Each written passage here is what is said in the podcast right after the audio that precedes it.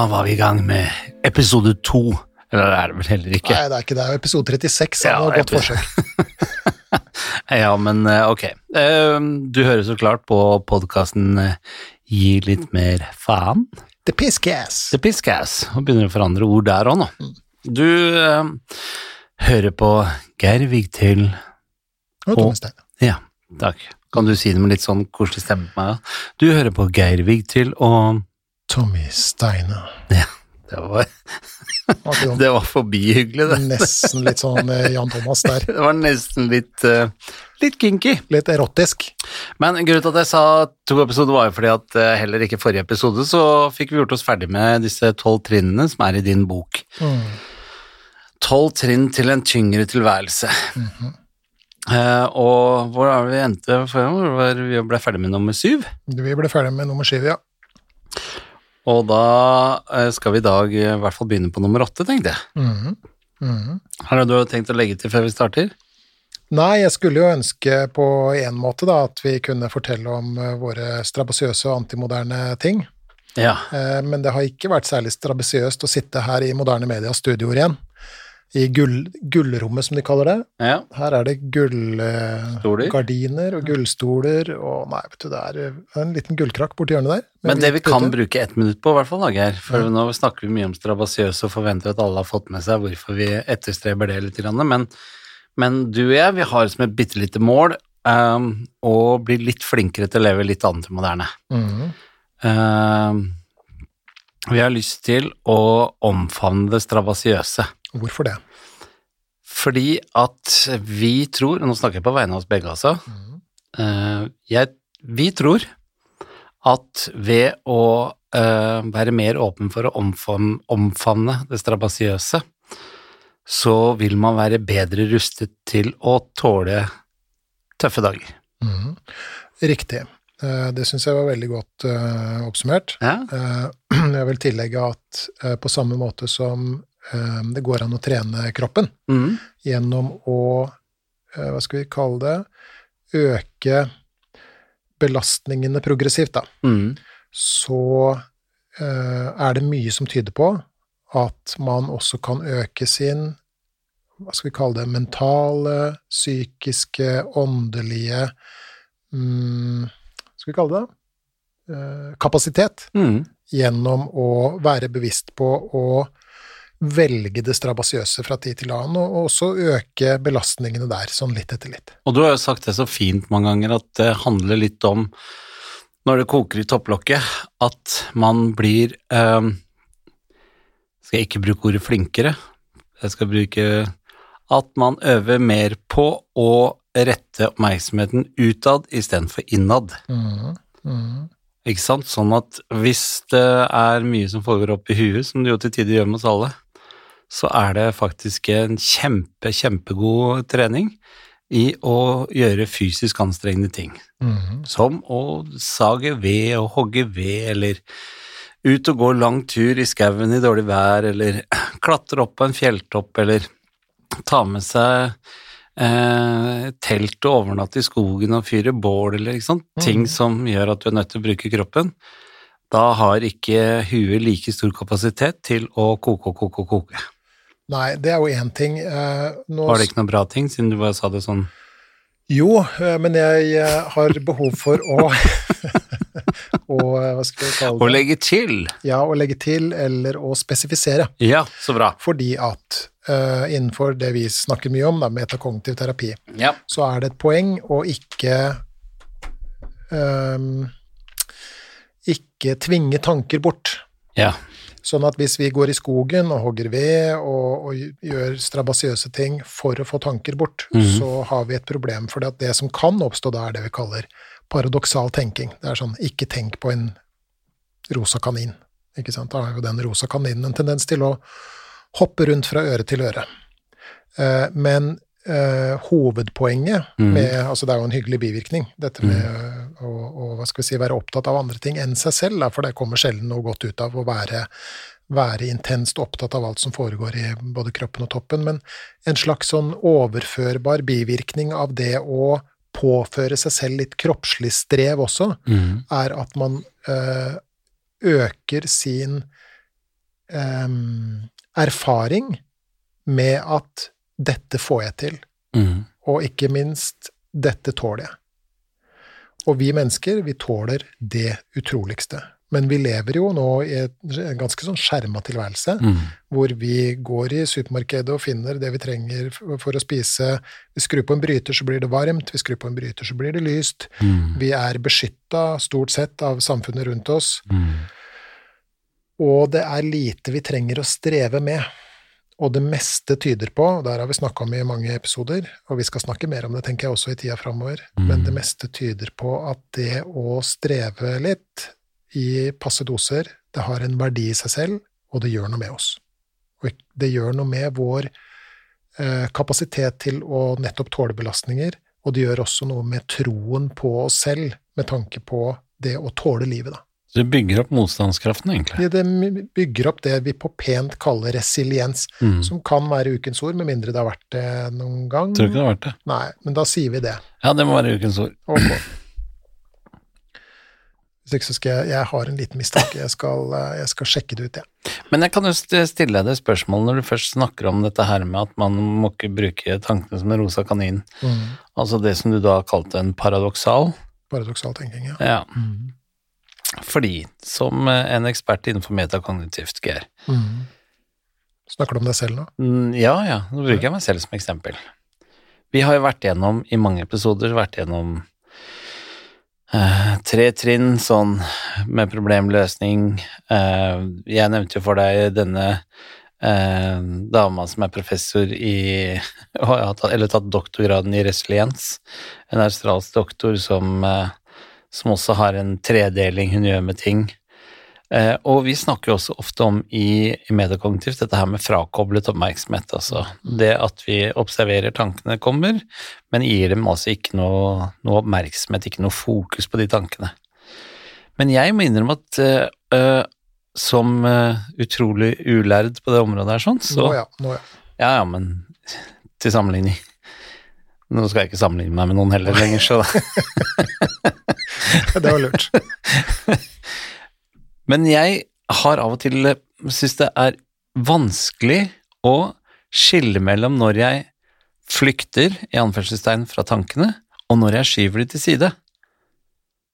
Mm. Forstår du problemstillingen min? Jeg skjønner. Og når kan jeg vite at Nei, Tommy, det må du ikke gjøre. Det du gjør nå, det er jo en måte å flykte fra tankene dine på. Men ja, Tommy, det var riktig, parker de der. Mm.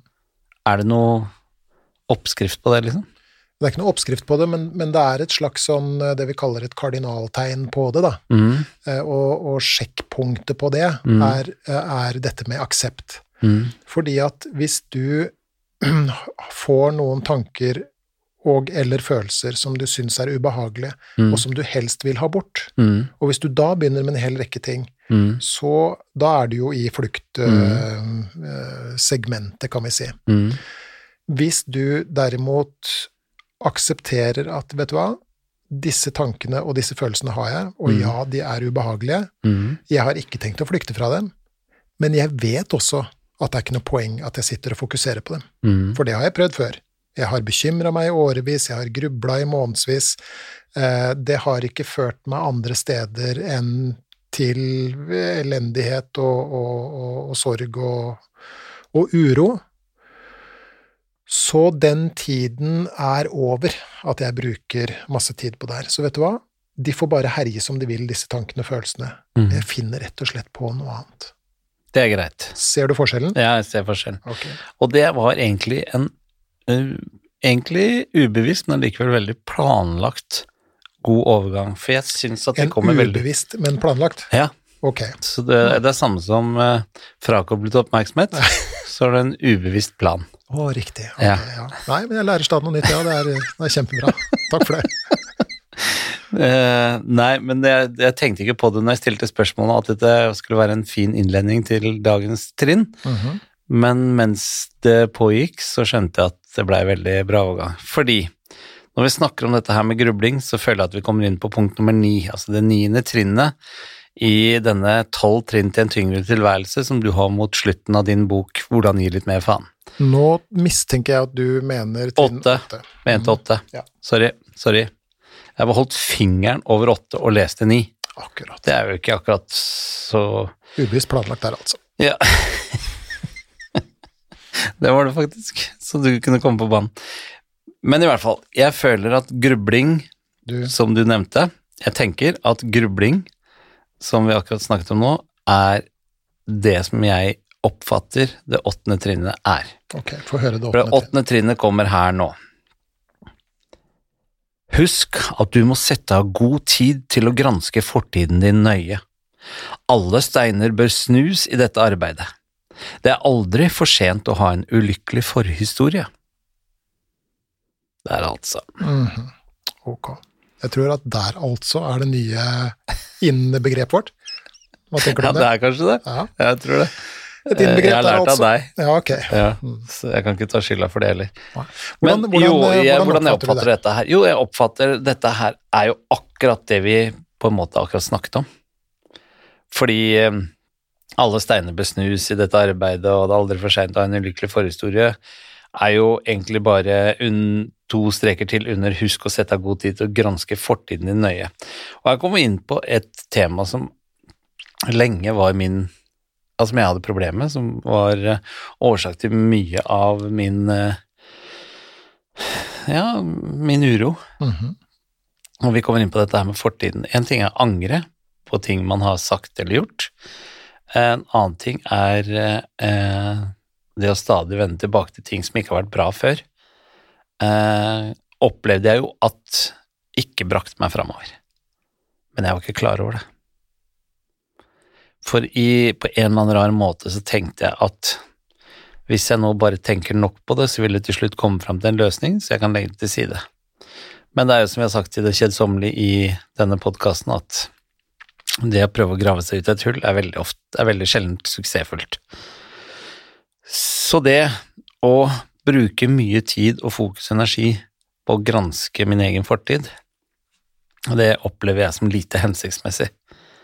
Eh, med det så vil jeg likevel legge til som en iskutt bisetning at eh, det å dra med seg erfaringer, ting man har lært, ting man har hørt og sånt noe, eh, syns jeg er eh, veldig nyttig. Men såkalte uløste mysterier, hvis jeg kan få lov å bruke den benevnelsen på det, og jeg har gravd i det cirka Jeg regna etter en gang sånn eh, 111 millioner ganger før, uten å komme fram til noen løsning, så har det ikke noe for seg lenger. Og det at det aldri er eh, for sent å få en ulykkelig forhistorie. Jeg har lyst til å snu litt på det, for jeg, jeg, jeg tror ikke jeg har lest den boken, eller om det er en setning, men jeg, jeg hørte også at det er aldri for sent å få en lykkelig barndom. Som jeg syns er en setning som er veldig morsom, for det høres veldig Har du hatt en kjip barndom, så kan du aldri endre på det. Men tanken bak det er jo at du selv velger hvordan du tar den ulykkelige barndommen eller den fæle barndommen eller den fæle hendelsen du har vært uh, utenfor, hva du selv um, Hva heter det Ja, det er litt det der, det er ikke hvordan du har det, men hvordan du tar det. Skjønner du hva jeg, hva jeg mener? Mm. At jeg tror det var det som var hensikten bak det. Mhm. Og jeg har jo laget en hel forestilling om det å være redd som følge av en oppvekst som ikke har vært bra. Ok. En forestilling som het Latterlig livredd. Jeg har laget en forestilling om det å være redd for å gjøre feil, som het Feldunderlig.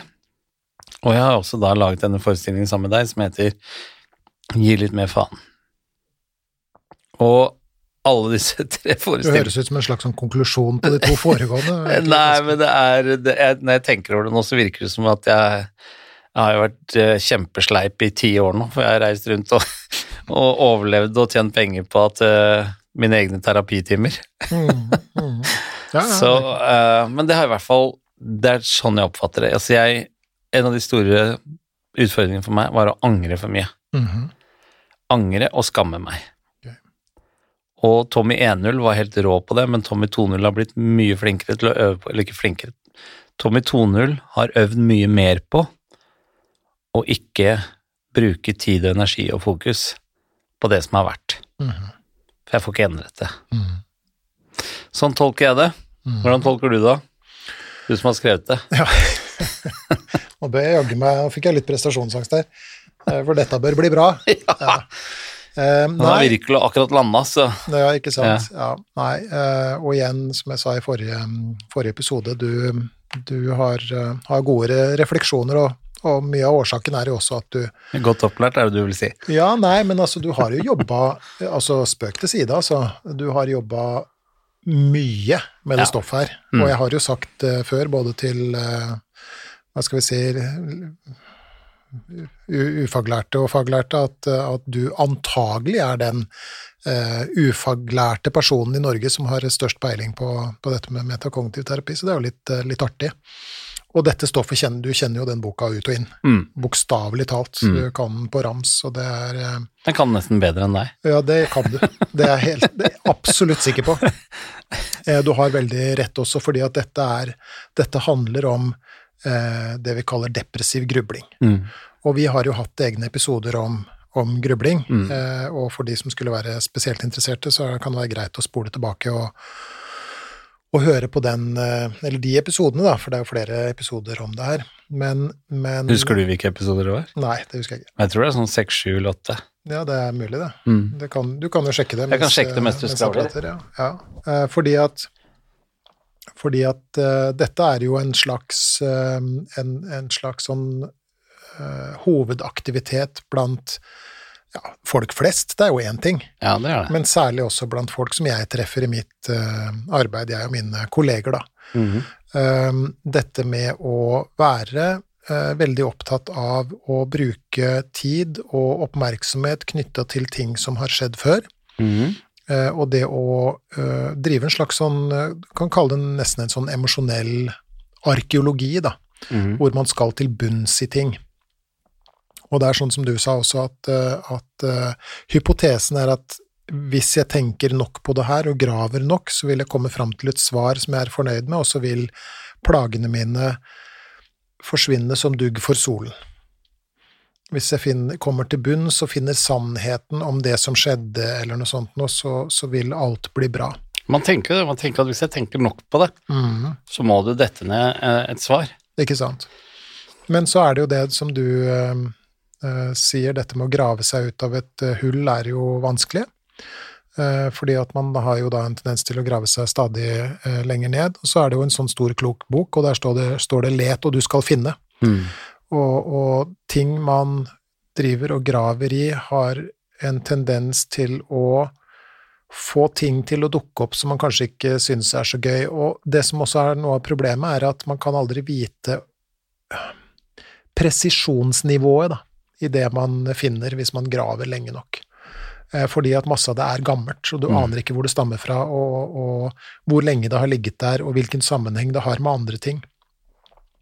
Og det mange, mange eh, opp, eh, hva skal vi si, mange oppdager, er at det er ikke noe det er, det, det er ingen ro eller fred eller tilfredshet i det å, å grave rundt i gamle fraukjellere, som de sa i, i gamle dager. Man blir tvert imot eh, både eh, trist og, og nedfor og urolig av det. Mm. Så synes jeg det var én ting som, som du skrev i boken som hjalp meg utrolig mye på det området. Okay. Og det var det her hvor du kom inn på å diskutere, eller hvor du skrev om hvordan hjernen fungerte. Og både du og jeg og de aller fleste med oss tror at hjernen vår er en perfekt maskin som tar opp alt som har skjedd i HD4-kvalitet, slik at når du tenker tilbake på ting du har sagt eller gjort, som gjør at du får uro, så er det jo ikke sikkert at det faktisk var sånn det var. Mm. Det er ikke sikkert at det du opplevde var sånn du opplevde. Eller det kan i hvert fall være mange nyanser som du har gått glipp av. Mm. Fordi hjernen vår er faktisk ikke så flink til å huske som det vi skulle ønske den var. Eller gudskjelov, Ja, gudskjelov. Det Mm. finnes en tilstand tilstand du, du nevner jo det i boken, altså. Ja, det finnes en tilstand hvor, hvor eh, altså, som noen ytterst få særs uheldige individer eh, eh, plages av, eh, som, som eh, gjør at de har da en fotografisk hukommelse. Mm. Og det gjør at de kastes jo tilbake med stor livaktighet til eh, begivenheter tidligere i livet, med alle emosjoner som Mm. hører til. Da. Og det må være utrolig slitsomt. Det beste er antagelig å ha en sånn, sånn passe godt fungerende hukommelse, sånn man husker i hvert fall halvparten av de tingene man ble bedt av kona si om å kjøpe på butikken. Jeg, er ikke der, jeg husker kanskje en tiendedel.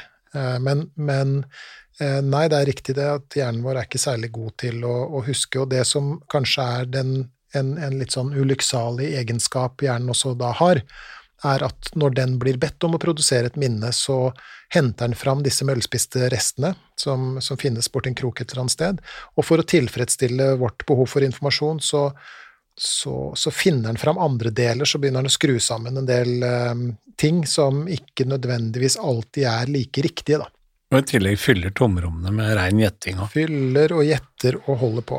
Sånn at hvis jeg da ber deg om å tenke på den julaften da du fylte tolv, mm. så tipper jeg at oppi hodet ditt et sted så dannes det noen uklare bilder av ei gran med noen kuler og noe greier. Ja, og snø og tre. Snø også, mm. ikke sant. Men poenget er at du aner ikke om det er minner fra en jul da du var tolv, eller ikke sant. Nei. Så, jeg husker akkurat hvor jeg var i jula da jeg var tolv, men det er greit. Husker du det? Ja, jeg husker det vel. Få høre. Nei, jeg var sammen med familien. Ja, ok, vi skal ikke grave noe mer i det. Nei, vi lar det ligge. Ja. Det er noe med å I gamle dager så sa de at det var lurt å la eh, begravde hunder ligge, og det, det, det er mange tilfeller mm. uh, riktig, da. Men jeg syns bare det var litt sånn Forstår du meg hva jeg sier? Litt sånn trøst. Mm. At da tenkte jeg sånn, nei vel, da kan det godt tenkes at de tingene som jeg tror jeg har sagt eller gjort, Mm. Som jeg jo For vi gjør jo feil, som vi sa i forrige episode, mm. alle sammen. Mm, og det er jo ikke allting man har gjort opp igjen som man er like stolt av. Nei. Og noe skammer man seg over. Mm. Men da tenkte jeg at da er det i hvert fall ikke noe hensikt, når jeg ikke har riktig informasjon heller. Mm. Så ga det meg liksom bare en sånn liten ekstra kick bak da, til å la det som har skjedd, være skjedd, Mm. og ikke bruke noe mer tid på det. Og det er jo um, oppfordringen, altså det vil da si at jeg som, som, terapeut kan jo aldri hindre noen i å bruke tid på det her, men, men det jeg gjør, er at jeg lar mine eh, klienter få valget. Mm. For, for, et naturlig spørsmål i litt sånn emosjonell, arkeologisk sammenheng vil jo være har du hatt mye glede av denne gravinga? Mm. Har du kommet fram til noe svar? Er det sånn at du nå har full oversikt over barndommen din, eller, og, og, kan la dette ligge, eller, eller fortsetter du bare? Mm. Og, og, hvis det er sånn at du fortsetter, hvordan får det deg til å føle det? Men var det ikke litt sånn, er ikke dette her litt sånn typisk sånn som man gjorde med hva er det det heter, psykoanalyse, er det det heter? Psykoanalyse er en innretning innenfor uh, psykologien. Ja, man, og jeg ser for meg hvor man ligger sånn freudiansk på sofaen, og så skal man prøve å huske tilbake til barndommen. Ja, det er vel en del av det, men, men det er også dette med, med fri assosiasjon. da, At Ja. du skal få assosiere fritt, du skal få snakke om akkurat hva som ramler inn i, i huet ditt. Og jeg vet ikke åssen det er med ditt hue, men oppi mitt hue så ramler det inn mye rart. Så, Det er ikke alt jeg vil dele, for å si det sånn. Det er én ting, og det andre er at det ville antagelig tatt fryktelig lang tid å skulle snakke om alt det rare. Mm. Eh, og, og det ville antagelig kosta både tid og penger, for å si det mildt. da. Mm. Eh, og det er jo en, eh, en terapiform som i det store og hele, unntatt i franske filmer kanskje, eh, blir stadig mer hva skal vi kalle det, umoderne, da. Men er det noen tilfeller hvor du har eh, hva er det du sier, klienter, hvor det er nyttig å bruke mye fokus på det som har skjedd? Ja, det er jo et generelt spørsmål som ikke kan eh, besvares eh, klart, fordi at det er noen nyanser her. Okay. Og det ene er det at av og til så er det nyttig å snakke om det som har skjedd, eh, for å få lov til å fortelle historien sin. Mm. Fordi at det å fortelle en historie, Mm. det er viktig. Mm. For det første, vi er historiefortellende vesener, Mm. og det er på den måten, og det har vi snakka masse om i denne mm. podkasten her, uh, men, men det er gjennom å fortelle historier at vi skaper orden i, hver, i, i livene våre, på en måte, Mm. ikke sant? I, og i samfunnet vårt. Og det er sånn vi lærer av hverandre, og det er også sånn vi lærer selv, tenker jeg. Mm. Og det er også sånn vi, vi eh, Nå får jeg lyst til å bruke engelske ord, så skal jeg finne gode norske ord. Ja, det er spent. Det, ja, det er sånn vi kan oppleve og føle en forbindelse til hverandre også. Det at jeg forteller deg om noe som var vanskelig for meg, og du sitter og lytter, f.eks., det er Mm. kjempesterkt og kjempeviktig, og det gjør at vi føler oss nærmere hverandre. Mm. Eh, Så eh, jeg lar jo mine klienter få fortelle historiene sine, men ikke i urimelig lang tid. Nei. Det er i begynnelsen, Ikke sant, startsfasen. ja. startfasen. Ja, fortell meg din eh, Hva skal vi si Fortell meg om din historie og Mm. dine tanker om hvorfor du har det som du har det akkurat nå. Ja. Og så begynner jobben. Ikke sant? Og, Ja. og mange ganger når det er snakk om noe som har skjedd, Mm. og som ikke lar seg uskje, uansett hvor mye man snakker om det, så handler det i veldig mange tilfeller om å eh, En ting er da å få lov til å fortelle historien og få aksept for at det var fælt. Eh, og så handler det om å få lov til å øve seg på å begynne å slippe tak i den Mm. historien. Ikke fordi at det var eh, uviktig, for eksempel. Eh, fordi at det vil alltid skjønner. være en del av deg og en Ja. del av din historie og sånt noe, men, men fordi at den er ikke nyttig lenger. Nei. Den er ikke til nytte. Den er et drivanker i livet ditt som du i verste fall er for opptatt av. Ikke sant? Og jeg tenker at på samme måte som jeg har min historie, så har du din historie, og vår historie vil jo alltid være en del av oss. Men hvis jeg da har Ja, i beste fall, da. Hvis jeg da kan lære noe av min historie, Mm. så er det så langt jeg kan strekke det.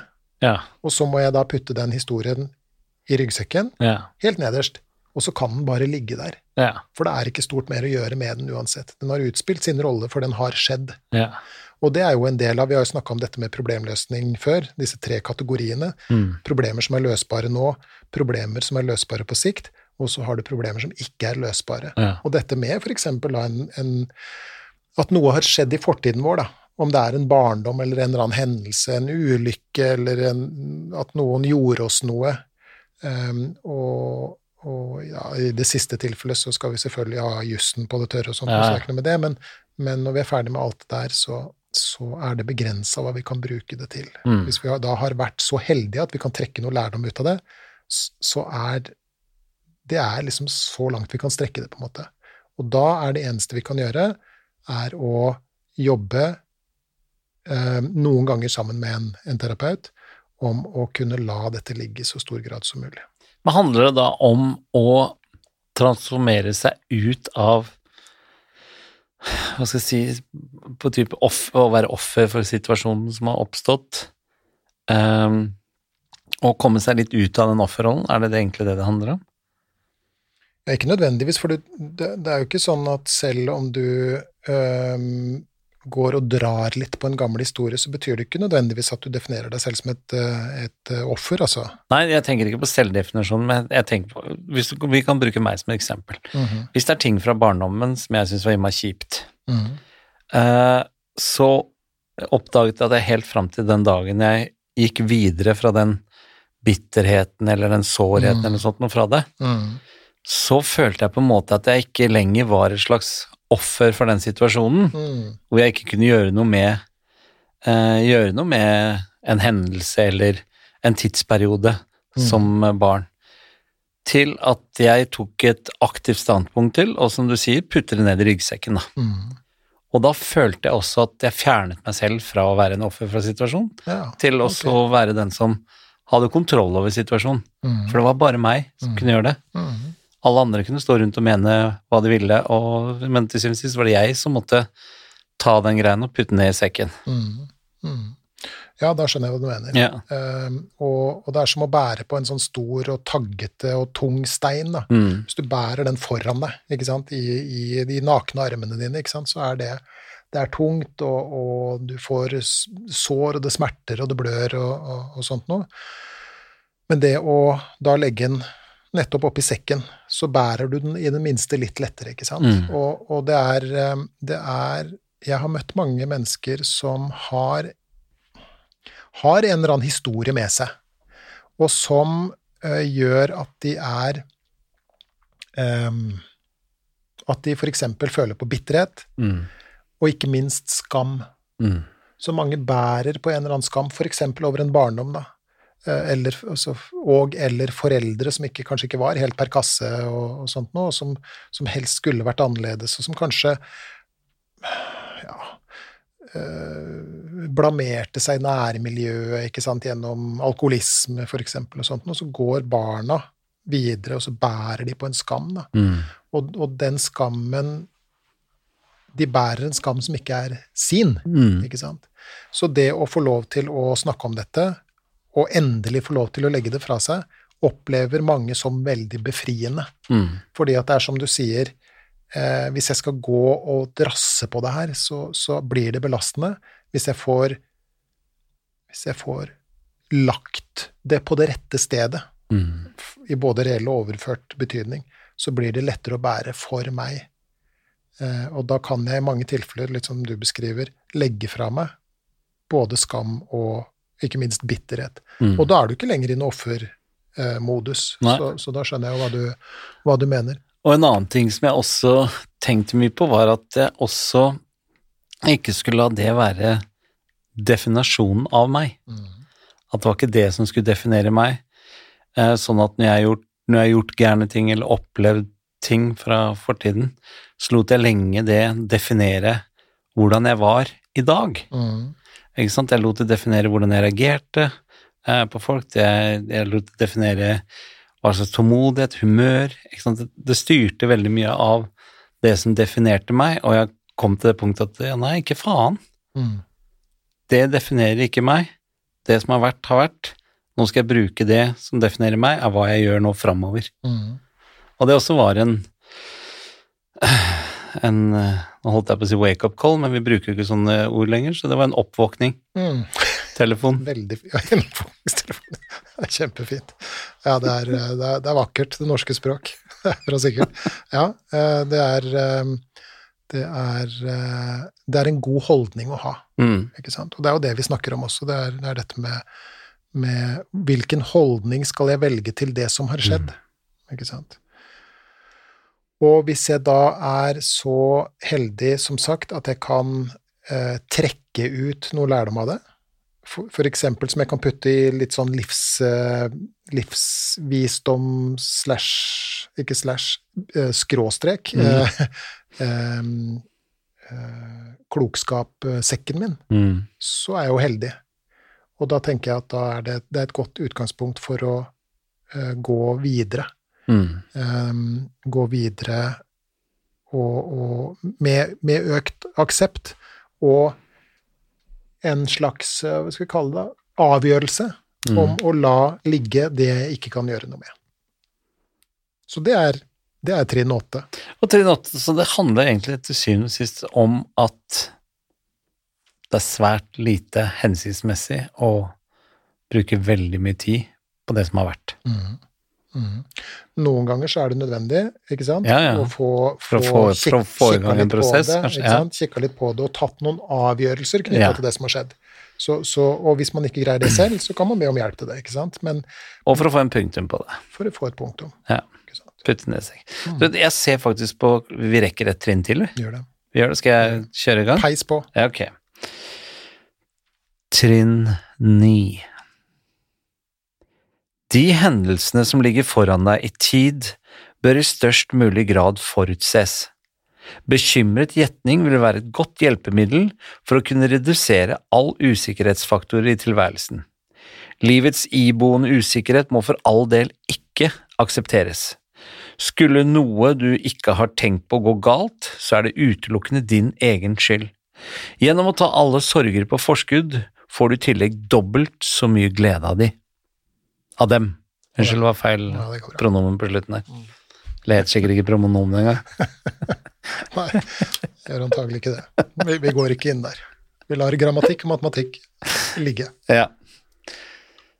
ja, dette var jo et langt trinn. Mhm. Altså ikke i form av at det er et langt trinn å ta, men at det var mange ord. Ja, det var det. Og du er jo ute etter også her min tolkning av det. Ehm, og vi forflytter oss egentlig nesten sånn innenfor metakognitivene, og så flytter vi oss så bokstavelig talt fra grubling til bekymring Mm. Eller fra fortid til for fremtid. Veldig bra. Eh, og det som er, er jo at jeg tror nesten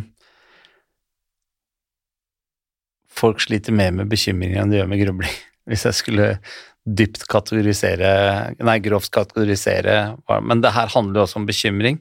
Men hva er årsaken til at du tenker det, da?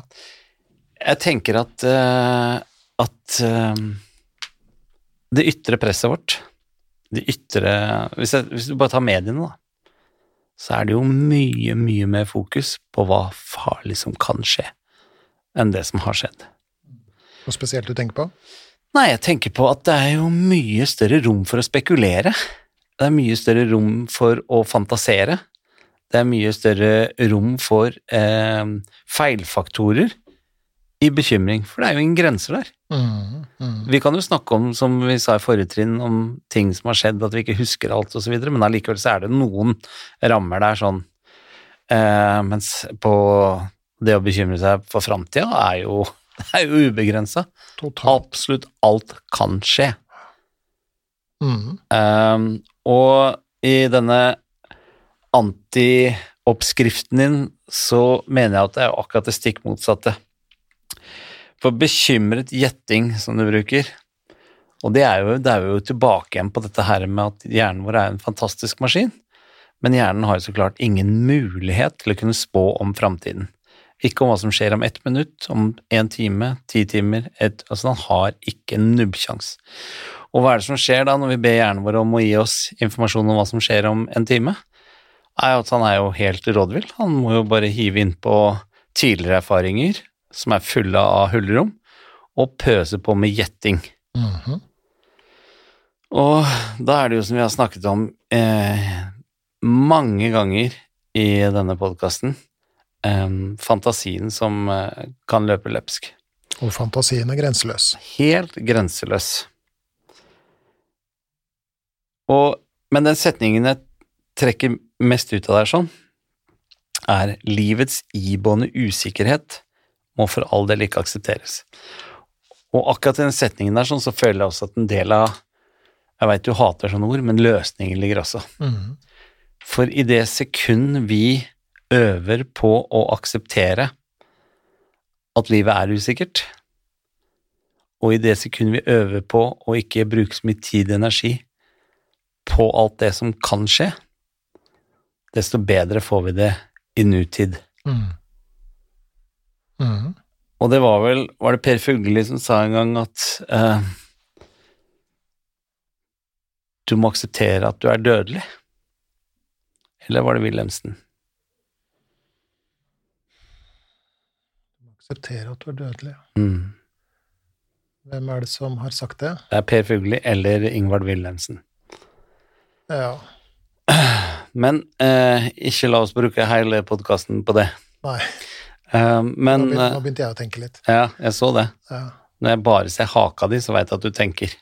For da legger du huet langt nok bak til at du ser opp i taket. men, eh, men i hvert fall det med livets iboende usikkerhet er eh, Sånn er det å være menneske. Mm. Og jo flinkere du blir til å Ikke flinkere. Jo mer du øver på å akseptere det, så er min påstand desto bedre får du det. Bra, bra. Ok, for nå, nå tenkte jeg på det er, det er igjen de gamle grekerne eller romerne eller etter at det, det er et latinsk eh, ordtøkje Mm. som heter memento mori. Husk at du skal dø. Mm. Og det er i, i, i høyeste grad et stoisk eh, eh, hva skal vi kalle det, hjelpeutsagn eller noe sånt. Mm. Eh, jeg lurer på Det er en gammel historie, nå vet ikke jeg om det her er sant, altså. Nei. Eh, men igjen, som sagt, vi er, jo, vi er jo glad i gode løgner, og vi, så det er ikke så farlig med det. Men da romerske krigsherrer, type keisere og sånt noe, de, de, de eh, Hvis de hadde vært på felttog, vet du, store erobringer og sånt noe, Mm. så ehm, hadde de sånn triumftog gjennom triumfbuer og all verdens greier som var bygd, ikke sant, og, sånn, og, befolkningen sto og jubla, og de viste frem krigsbyttet sitt i svære prosesjoner. Og da sto de jo på en sånn eh, hestekjerre, nærmest, sikkert flotte hingster og sånt noe, og, og ble bejublet da, av, eh, av eh, menneskemassene. Og da sier sagnet at bak dem så var, sto det en slave som hviska i øret deres. Husk at du er dødelig, husk at du skal dø. Sånn at det ikke tok helt av. Mm. Sånn litt sånn apropos kjendiser og sånt, noe som Mm. vi har snakka om eh, tidligere, dette med å Jeg vet ikke jeg, men, men jeg kan fort forestille meg at det er lett å føle seg som en gud, da. Mm. Når du står på en scene, og det er 20 000 mennesker på Wembley Stadium som står og brøler navnet ditt taktfast, f.eks. Ja, det har jeg ikke opplevd, men jeg skjønner hva du mener. Ja. Du har tross alt stått på Chat Noir og blitt bejublet, så Det det, har det har du. Og Chateau Eh, Neuf òg. Ja. Ehm, men ja, eh, riktig. eh, døden er jo bare en av eh, X-faktorer, det vet vi aldri når Sykdommer, Når ulykker. Alle sånne ting, Ja. ikke sant. Ehm, eh, det er jo begrensa hva, vi- hva vi har oversikt over i tilværelsen. Det er jo noen få ting vi kan gjøre. Det er så klart. Har du noen eksempler selv? Ja, for i boka di så lærer vi også tydelig forskjellen på det å forberede seg og det å bekymre seg. Å forberede seg er jo, det er jo kjempelurt. Setter du deg inn i bilen og skal kjøpe motorveien, så er det veldig lurt å ta på sikkerhetsbeltet. Mhm. Uh, men hvis du setter deg inn i bilen og tar på sikkerhetsbeltet og begynner å tenke 'herregud, hva skjer når jeg kommer på motorveien', og så er det sikkert vannplan, kommer det en trailer som er vannplan, og så kommer han til å være Da er det kanskje bedre at jeg venter ti minutter, for da har sikkert den traileren hvelva ferdig. Altså, da Mhm. begynner det å bli en bekymring som er et problem. Mm. Det er riktig. Så, og du nevner jo i boken dette her forskjellen på å bygge seg en platting og forberede seg til det, at du må kjøpe inn materialer, du må kanskje høre med noen som har gjort det før deg, osv. Da har jo du fått erfare i sommer selv. Ja, det skal sies. Mm. Eh, til å begynne å tenke på kun konsekvensene av at du skal bygge den plattingen. Mm. Hva kan skje? Mm. Eh, så, så det syns jeg er den I hvert fall for mitt arbeid med meg selv har det vært eh, kjempenyttig, det å skille mellom å forberede seg, og også, også et menneske bekymrer seg, det er veldig vanlig, det er veldig menneskelig, det er veldig naturlig. Og det er jo ikke sånn at uh, verken du eller jeg eller noen andre som syns det her er interessante temaer, eh, prøver å sørge for at ingen noensinne er bekymra for noe som helst. Mm. Men det er når bekymringen tar overhånd og styrer hverdagen din, mm. at det er i ferd med å bli et problem. Mm.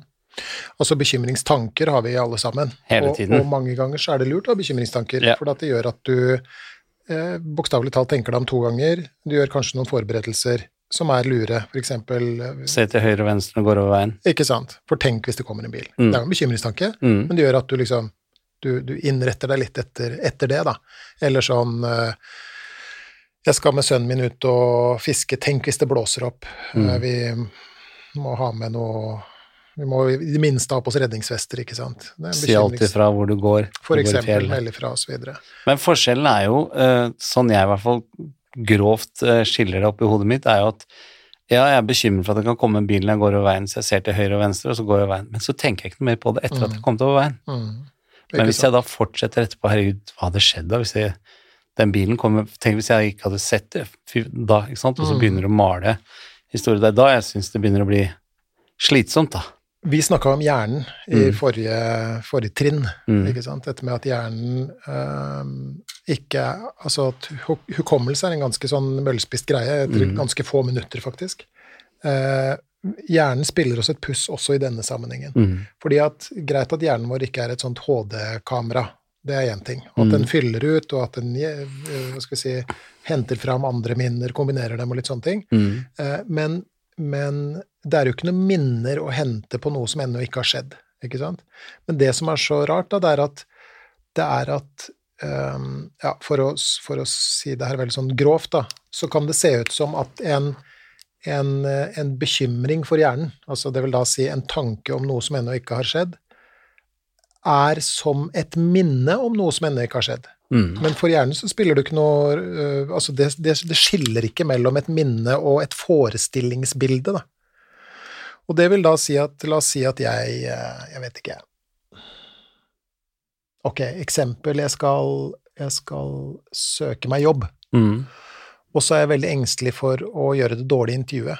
Så det vil da si at de neste 14 dagene før jeg liksom skal i intervju, så ser jeg for meg alt som kan gå galt i dette intervjuet, eh, og hvor eh, stum jeg blir, og hvor eh, dårlige svar jeg gir, og hvordan folk liksom Jeg ser intervjuerne bare sitter og rister på huet og kaster blikk mot hverandre, og, og sånt. Jeg liksom kjenner hvordan skamrødmen brer seg. Det, det renner under armene mine, ikke sant. Mm. Sånn.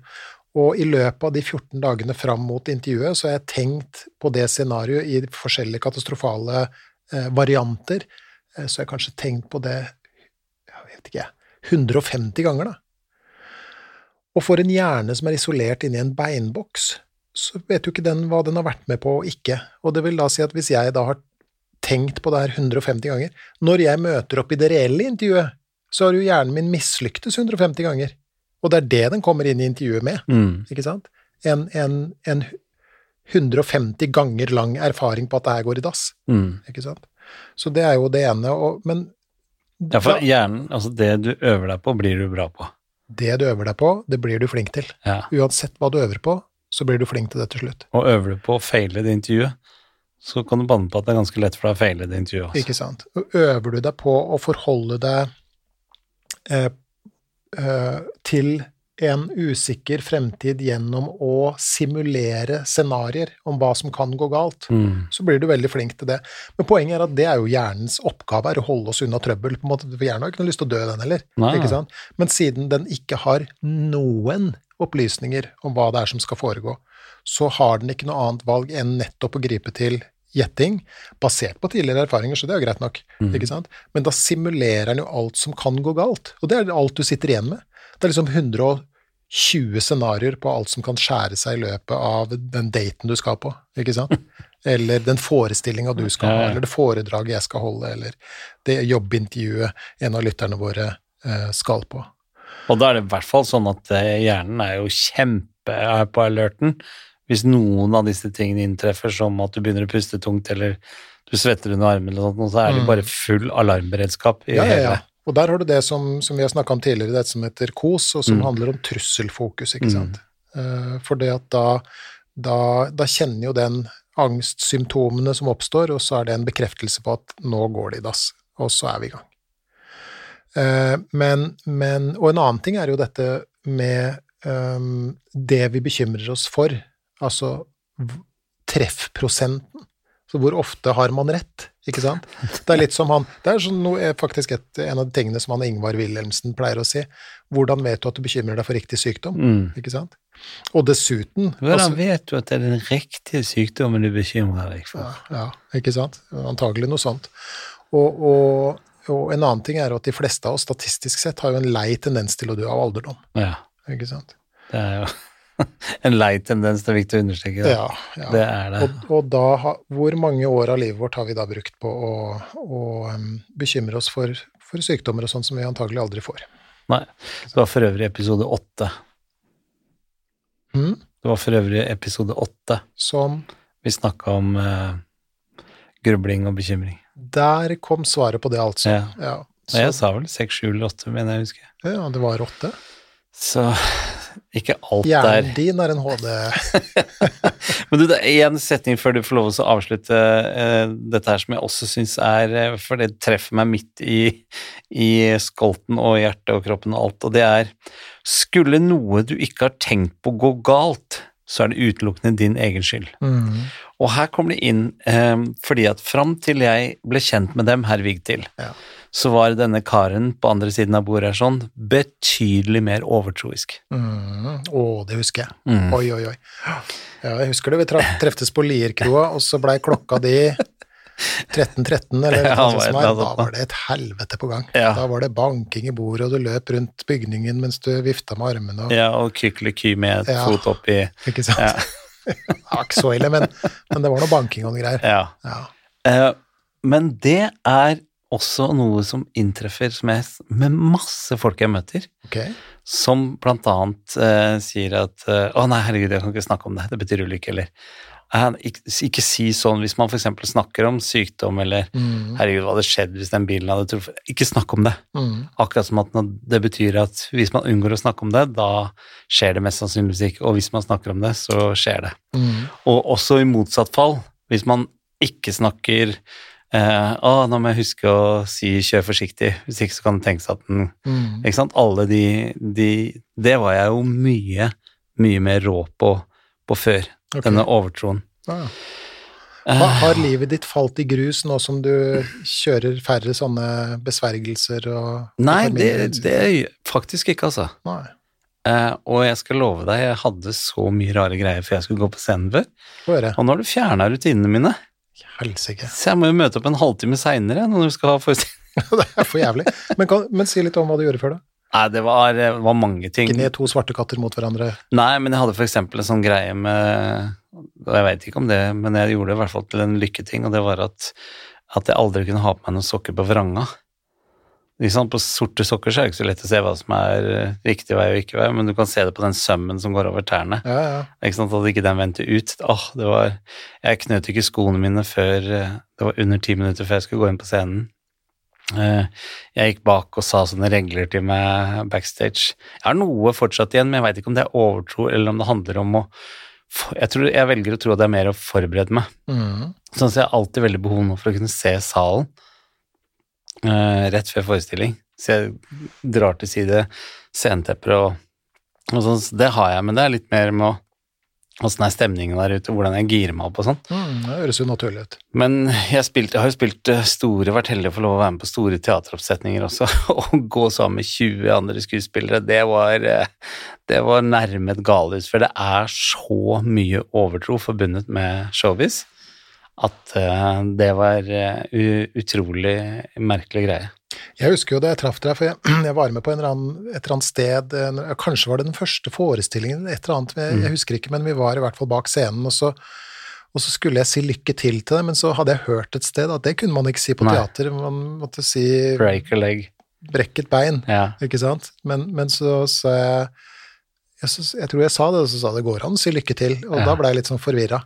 Men det du snakker om da, det Mm. er jo det vi kaller magisk tenking. Mm. Og, og det er jo, øhm, det er jo en øh, ganske vanlig ting øh, i, Ja, vil si. hverdagen, Ja, og, si. og ikke minst i terapirommet. Da. Dette med at hvis jeg ikke har tenkt over ting som går galt, og det går galt, så er det liksom litt sånn min skyld. Mm. Den magiske tenkinga er jo øhm, er så sterk at hvis du Jeg var på et, øhm, en, øh, en kursrekke en Mm. gang i kognitiv terapi. Mm.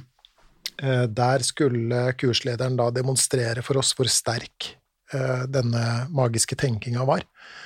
Eh, Så eh, hun ba oss om å skrive ned eh, navnet på en vi elsker, på en papirlapp. Det her har du med i boken også. Har jeg det, ja? En Ja, grusom Ja, øvelse. ja helt, helt forferdelig. Ja. Så skriver du ned navnet på den du elsker, og så skriver de håper at vedkommende dør en grusom død innen kort tid'. Og det er ingen som får seg til å gjøre det. Nei. ikke sant? Fordi at tenk hvis det hadde skjedd. Ja. Det hadde på mystisk vis vært min skyld. Ja. ikke sant? Men det hadde jo ikke det. Nei.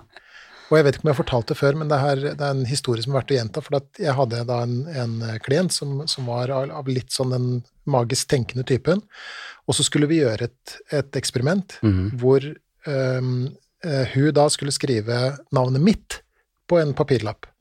Og skrev 'Jeg håper du kommer ut for en grusom ulykke'. Eh, på den tida der så kjørte jeg scooter til og fra jobb. Det var litt sånn, kall det litt sånn ungdomsnostalgi, da, så jeg kjøpte meg en scooter, så det var litt sånn artig. Og eh, så putta vi da den lappen hvor hun hadde skrevet det her, i en konvolutt, og la det i skapet på kontoret mitt. Og så, så nå ses vi om en uke. Skal vi se hva som har skjedd. Den dagen på vei hjem fra jobb, så tryna jeg altså så det gnistra i det største krysset i Tønsberg, og trodde rett og slett jeg hadde, jeg hadde brekt både armer og bein. Det var altså så, så vondt, og da tenkte jeg Herre Jesus, tenk så jeg hadde daua, Blir påkjørt av en trailer i det krysset. Det skulle jaggu meg tatt Jeg hadde jo ødelagt vedkommende for livet. Ja, så klart. Ja, men det var jo Du hadde altså- aldri turt å skrive noe på et ark noensinne igjen. nei. Og den timen etterpå Ja. så skjulte jeg eh, haltingen min godt da, vi, da jeg kom inn på kontoret. Så, altså, du nevnte ikke det, altså. nei, nei. Nei, hun vet ikke det. Men du, det er jo, for de som eh, lurer, så fins det jo eh, en fantastisk film og bok om dette her, som lærer oss så mye, føler jeg, som heter The Secret. Ja, kjempefin bok, altså. Og det husker jeg så godt, fordi jeg hadde lest og sett den boken når vi begynte å snakke om de tingene her, Mhm. og du og jeg. Uh, og først nå i ettertid så er det jo Det er jo ikke så rart det finnes sånne ting, for det overtro og magisk tenking er jo noe som har eksistert i all tid. Å ja, å ja. Og det det er jo Og igjen så Bank i bordet, sier vi, ikke sant? Ja, men igjen så eh, eh, opplever jeg at eh, jeg er flink til å øve på litt analyseringen av det, da. -hmm. Fordi at eh, mm, jeg gjør det jo som du sier, man banker jo bordet, og, men i mye mindre grad. Og jeg spytta jo tre ganger til venstre og til høyre når det var en svart katt over veien, og sørte du salt på bordet som måtte hive over venstre skulder. Og jeg vokste opp med mor som fløy etter oss på restaurant for å hive salt over venstre skulder. Hun tok sin oppgave alvorlig, det var bra. Ja, hun tok sin oppgave veldig alvorlig.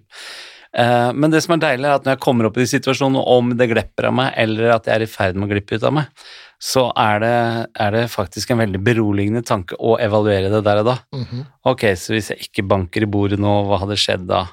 Har, har det skjedd før, Tommy, at du ikke Men det eneste jeg ikke klarer å helt legge fra meg ennå, Nå er jeg spent. det er når jeg skal ut og fly. Så har jeg en bitte liten rutine Mhm. før fly, og jeg må gjøre det før det tar av. Og en bitte liten rutine når vi lander. Mm. Og den har jeg ikke helt klart å kvitte meg med ennå. Ok, vet du hva, da kan jeg fortelle deg en ting, at Ja. da er du i godt selskap. Jeg Er det? Mm, For at hver gang jeg går inn i et fly, Ja. du vet akkurat når du liksom skal skritte over og inn i flyet, ja. så tar jeg på flykroppen på utsida. Ja, For å sjekke om det er helt? Nei, nei, men det er bare en sånn greie jeg gjør. Jeg holder på sida av flykroppen akkurat idet jeg går inn. Det er en sånn der magisk, eh, magisk eh, greie for meg. Eh, og jeg tenker Og du at må gjøre det, så det er en sånn Nei, jeg sier ikke at jeg må gjøre det, men jeg velger å gjøre det. Og, og dessuten, det griper ikke inn i hverdagen min på noen måte. Det er ikke Og noe det er som er akkurat sånn jeg tenker. ja. ja, Jeg får ikke angstanfall hvis jeg hadde glemt å gjort det, eksempel. Sånn at ja, ja, hvorfor ikke? Og vet du hva enda rarere jeg tenker, er at det at jeg er litt engstelig for å fly, uh, mye mindre grad nå enn før, Uh, men jeg tenker noe positivt ut av det også. Mhm. Fordi at når flyet lander trygt, så har jeg en liten ekstra glede de andre i flyet ikke har. mm. Og så har du redda hele flyet òg, tenkte jeg det. Det har jeg også. Utrolig dyktig Ja, sånn. og det kjenner jeg i turbulens. Jeg klarer å holde flyet oppe. Ja, ja, med kroppen. Mm, ja. Du, du, bare, du bare holder i armlenene, og så, og så flyr du. Ok. Um, Vi er nødt til å runde av, Geir. du, det- vet du hva, vi kan ikke gjøre det uten, Uten. at vi uh, snakker om en siste faktor. Ja, Altså, um, da må vi snakke fort, for de står og skal låse her. ja, men det er jo eh, svimlende to minutter til, så oh, det, det tåler de. Vi betaler det såpass mye at det, skal gå bra. Ja. Men i hvert fall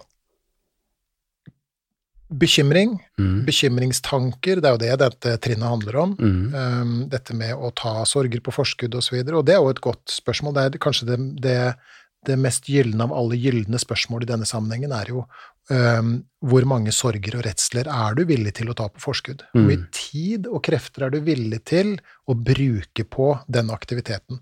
Mm. sant? Og det er jo noe du bare kan svare på selv. Men en annen ting er dette med bekymring. Fins det noe kur mot bekymring?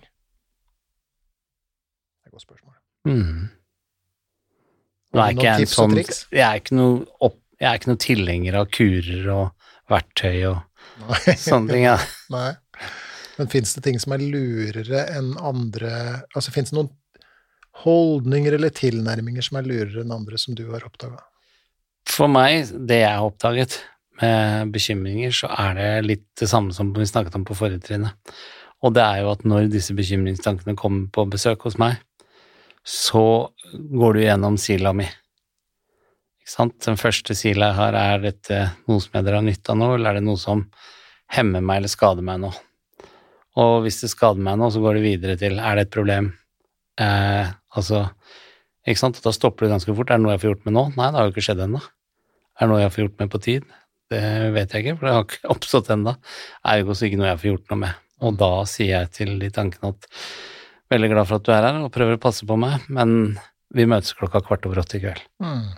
For der har du din bekymringstid, eller overtenkingstid. Ja, fra kvart over åtte til halv ni hver kveld. Ja, så Eller det er fra kvart over åtte til 16 over åtte nå, da, men før Ja.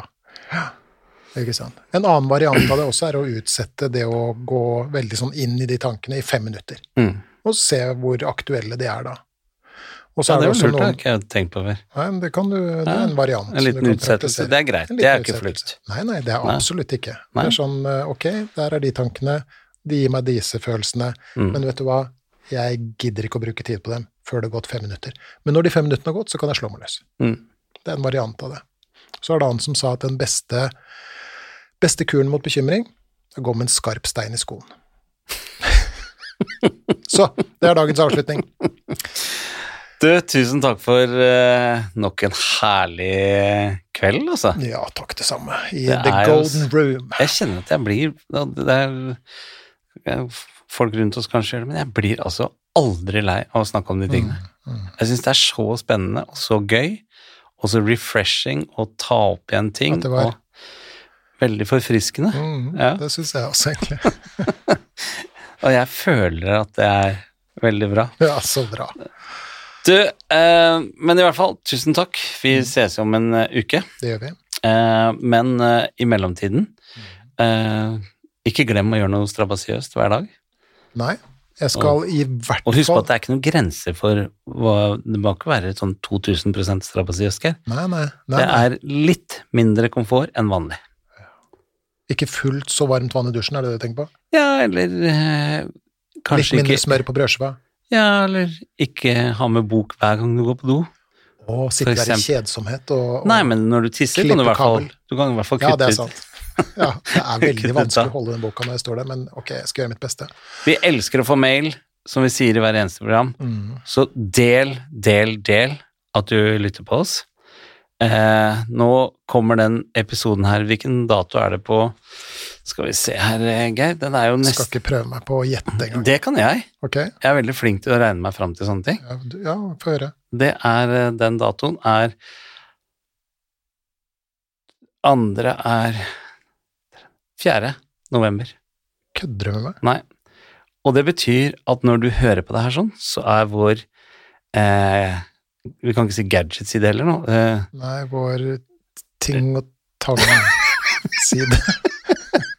nei, der du får kjøpt eh, eh, merkevarer Ja. eh, med, med logoer og sitater fra denne podkasten, er nå å finne på T-shirt, det må vi bare si, for det er jo navnet. Ja, ja. T-shirt.no. Så eh, støtt oss med å gå inn der. Kjøp julegavene der, folkens. Det er faktisk bare syv uker til julaften. Seks og en halv, faktisk. Og tenk hvilken lykke det gjør på kontoret når du sitter der med en fet kopp med 'gi litt mer F'. Det er pass-cass på! Ja, eller bare en T-skjorte hvor det står 'gi litt mer faen'. Mm. Så Og vet du hva, det er, det er et T-skjorte hvor, hvor det står 'helt ok' og 'helt vanlig' og sånne ting. Ja, Så det er, det er sånn- masse kult. Så gå inn på t-shirt.no eh, og søk på 'gi litt mer faen'. Er det det de skal gjøre? Er det sånn de søker på det? Ja. Mm. Men også send oss mail. Fortsett å sende oss. Vi har fått mange fantastiske både brev og mail, så send oss både på mail og snail-mail, som da er håndskrevne brev. Mm. Um, og hvor skal de sende mail, Geir? De kan sende eh, elektroniske brev til vår utmerkede postkasse. Mm. Den eh, har adressen uh, gi litt mer f at gmail.com. Mm. Gi litt mer f i ett ord. Snabelsnørr. Dot com. Har vi aldri hatt snabelsnørr? Aldri hatt.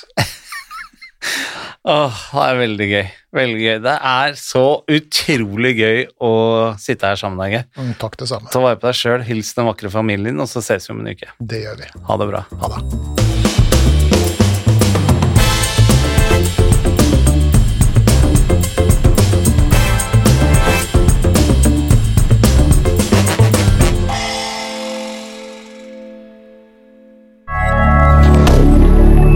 Media.